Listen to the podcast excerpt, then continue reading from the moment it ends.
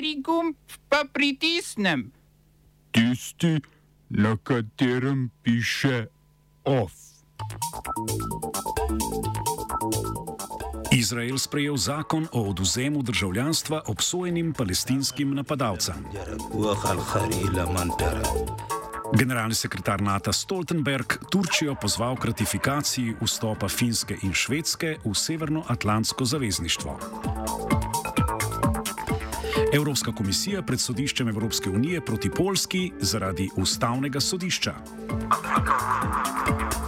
Protest sindikata poklicnega gasilstva Slovenije.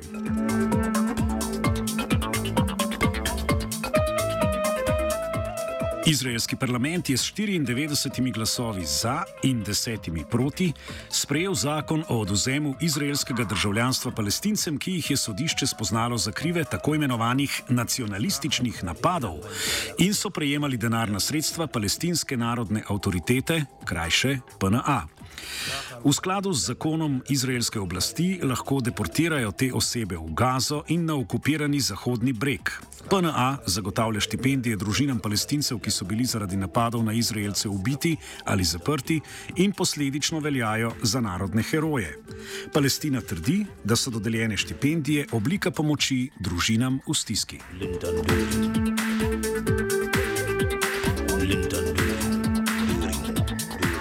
Generalni sekretar Zveze NATO Jens Stoltenberg je v Ankari Turčijo pozval k ratifikaciji pristopnih protokolov Finske in Švedske za članstvo v Severnoatlantskem zavezništvu. Poudaril je, da mora uradna Ankara nehati nasprotovati vstopu teh dveh držav v NATO.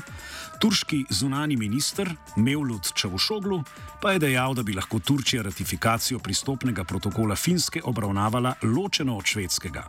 Turčija je poleg Mačarske edina članica NATO, ki še ni ratificirala pristopa nordijskih držav.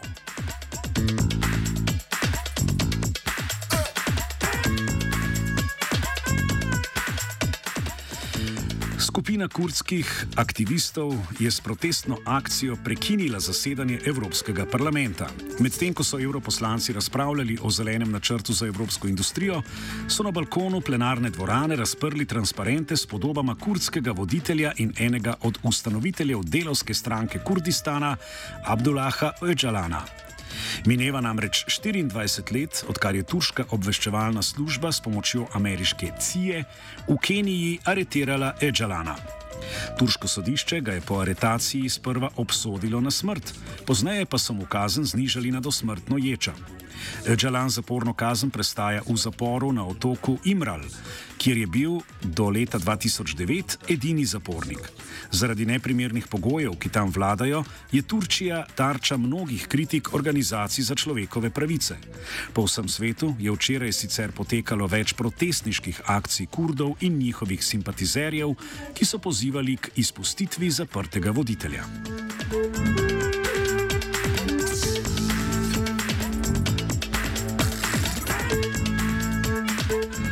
Evropska komisija je odločila, da pred sodiščem Evropske unije sproži postopek proti Polski v zvezi z delovanjem Polskega ustavnega sodišča in njegove sodne prakse.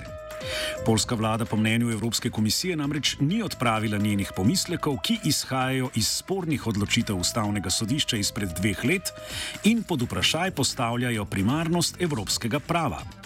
Že konec leta 2021 je Evropska komisija sprožila lasten postopek zaradi ugotavljanja kršitev v povezavi z neskladnostjo pogodb Evropske unije s polsko ustavo in odločitvami ustavnega sodišča, ki nacionalno pravo z ustavo postavljajo nad evropsko pravo.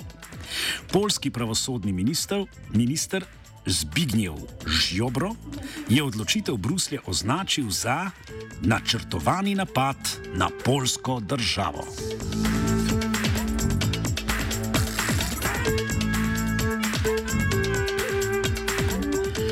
Evropska unija zaradi neupoštevanja evropskih direktiv o zaščiti žvižgačev prav tako pred sodiščem Evropske unije toži osem držav. Poleg prej omenjene Polske še Nemčijo, Češko, Estonijo, Španijo, Italijo, Luksemburg in Mačarsko. Saj te niso implementirale pravil, ki bi žvižgačem v javnem in zasebnem sektorju omogočila varno razkritje nepravilnosti. Direktiva o zaščiti oseb, ki razkrivajo kršitve evropskega prava, je decembra 2019 vzpostavila pravni okvir za zaščito žvižgačev.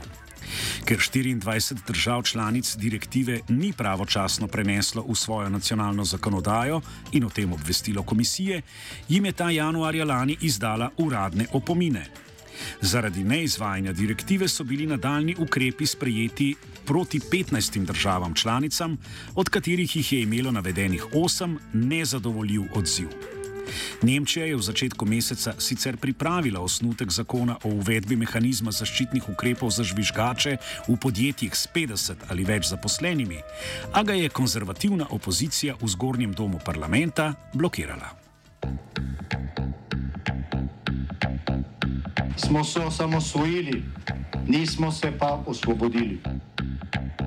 Naslednje število je še 500 projektov izpiljene modele, kako so se strani nekdanje LDS rotirali. Ko to dvoje zmešamo v pravilno zmes, dobimo zgodbo o uspehu. Takemu političnemu razvoju se reče udar. Jaz to vem, da je nezakonito, ampak kaj nam pa ostane? Brutalni obračun s politično korupcijo. To je Slovenija, tukaj je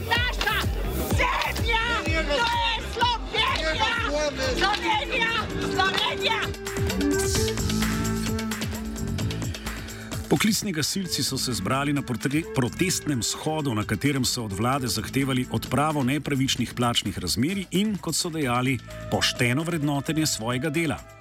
Shod nekaj sto gasilcev je organiziral sindikat poklicnega gasilstva Slovenije in se je začel na Trgu Republike, odkudar so pot nadaljevali pred vlado, kjer je spregovorilo več predstavnikov poklicnih gasilcev. Ves čas trajanja protesta so odmevali poki močnih petard, valil se je dim iz bakel. Gasilci pa so na protest prišli tudi s sirenami. Pred zbrano množico je imelo govore več predstavnikov gasilcev, med drugim vodja gasilske brigade Ljubljana Silvo Puntarič. Dovolj nam je tega, da vedno dobivamo samo drobtinice. Dovolj nam je tega, zahtevamo enakovreden kos pogače, kot se deleži nekateri drugi, žal, privilegirani poklici v tej naši lepi Sloveniji.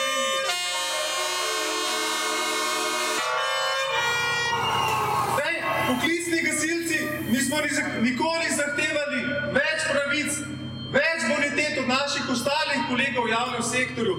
Vedno smo zahtevali le enakovredno obravnavo in ta pojem drugorazrednosti nam je še koliko hotičevo poznan kot tisti rek, dobra beseda, hvala, rešili ste mi življenje, ne plača položnice.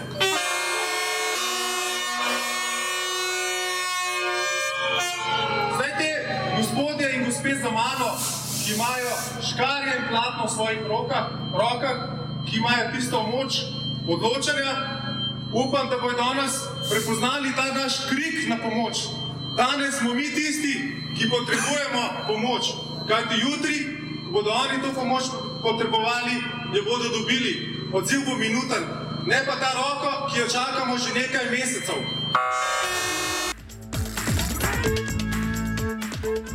Do trenutne in prejšnjih vlad je bil kritičen tudi sindikalni zaupnik Aleš Simčič. Očitno se vlade, ki dosti niso naučili od let. Res je, da smo gasilci preudarna in potrpežljiva biti. Vendar, ko se nas razpizdi, vam pridemo na vrata. Kako vas ni sram, da četrtina poklicnih gasilcev plava v bazenu pod minimalno plačo? Da je zadeva še bolj tragikomična, da se daj po tem famoznem novem plačilnem sistemu vrš potiskate v spodnjo desetino plačilne lestvice. Eno besedo, sramota! Kakšna naj bi bila to reklama za poklicnega gasilca? Ker ni poklic gasilca eden izmed najbolj spoštovanih poklicov v Sloveniji. Očitno mi živimo na drugem planetu. Iz vladnega poslopja sta med protestom v spremstvu varnostnikov prišla obrambni minister Marjan Šarec in ministrica za javno upravo Sanja Ajanovič-Hovnik, ta pa je zbrano množico tudi nagovorila oziroma poskušala nagovoriti. Danes večkrat sem slišala, sedaj, da uh, imate občutek, da niste slišani. To seveda ne drži.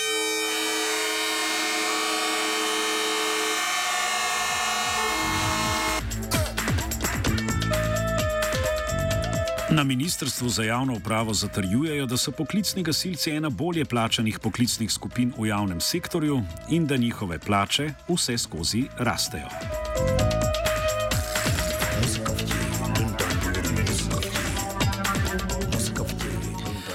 Družbenika GEN-I, Gen Energija in GEN-L sta ob izteku enoletnega začasnega vodenja družbe na podlagi sodnega imenovanja določila novo poslovodstvo.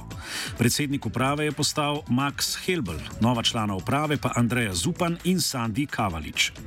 Vsi trije novi člani poslovodstva, ki bo genij vodilo naslednjih pet let, so v podjetju zaposleni že več kot desetletje. Helbel je do sedaj opravljal funkcijo direktorja pravnega področja v družbi, Zupan je bila direktorica trgovanja, Kavalič pa vodja službe za upravljanje s tveganji.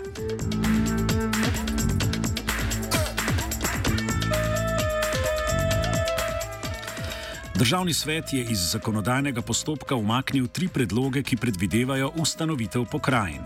Pobudbo za umik je poslal, podal predsednik državnega sveta Marko Lotrič s pojasnilom, naj se poišče širši družbeni in politični konsens ter pripravi boljši predlog. Za umik zakonodajnih predlogov je glasovalo 30 državnih svetnikov, trije so bili proti, šest pa se jih je glasovanje vzdržalo. Predloge zakona o ustanovitvi pokrajin, zakona o financiranju pokrajin in zakona o pokrajinah je državni svet sicer sprejel v prejšnjem sklicu in po Lotričevem mnenju predstavljajo dobro osnovo za nadaljevanje procesa ustanovitve pokrajin, ki pa jo je treba nadgraditi. Vlada je k predlogu zakona namreč podala negativno mnenje, lokalne skupnosti pa spodbujajo k ponovnemu razmisleku o ustreznosti predlaganih rešitev. Akademskih 15.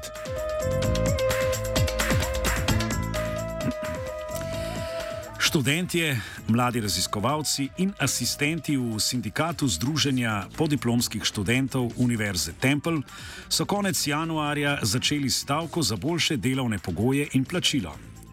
Po več kot letu dni zastalih pogajanj z Univerzo Temple so na to preteklo sredo nekateri stavkajoči strani univerze sprejeli sporočilo, da je bila njihova oprostitev šolnine za spomladanski semester preklicana zaradi sodelovanja v sindikatu in stavkovnih aktivnosti.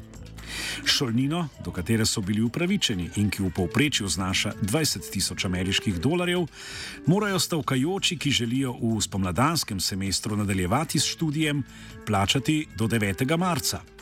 Prav tako so stavkajočim odrekli kritje zdravstvenega zavarovanja, ki ga univerza zagotavlja skupaj s šolnino.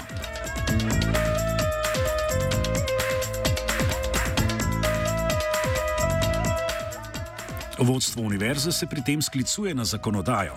V Pensilvaniji namreč delavci po zakonu nimajo pravice do stavke, kar pomeni, da niso upravičeni do nadomestila in ugodnosti povezanih z delom. Dostop do ugodnosti bo zaposlenim ponovno omogočen, ko se umaknejo iz udeležbe v stavkovnih aktivnostih.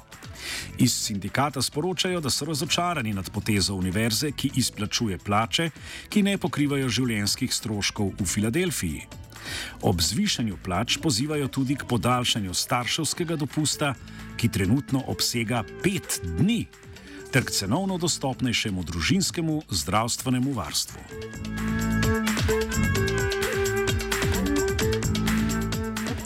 OF je pripravila vajenka Lara, mentoriral je Pero, univerzitetno novičko je prispevala Eva.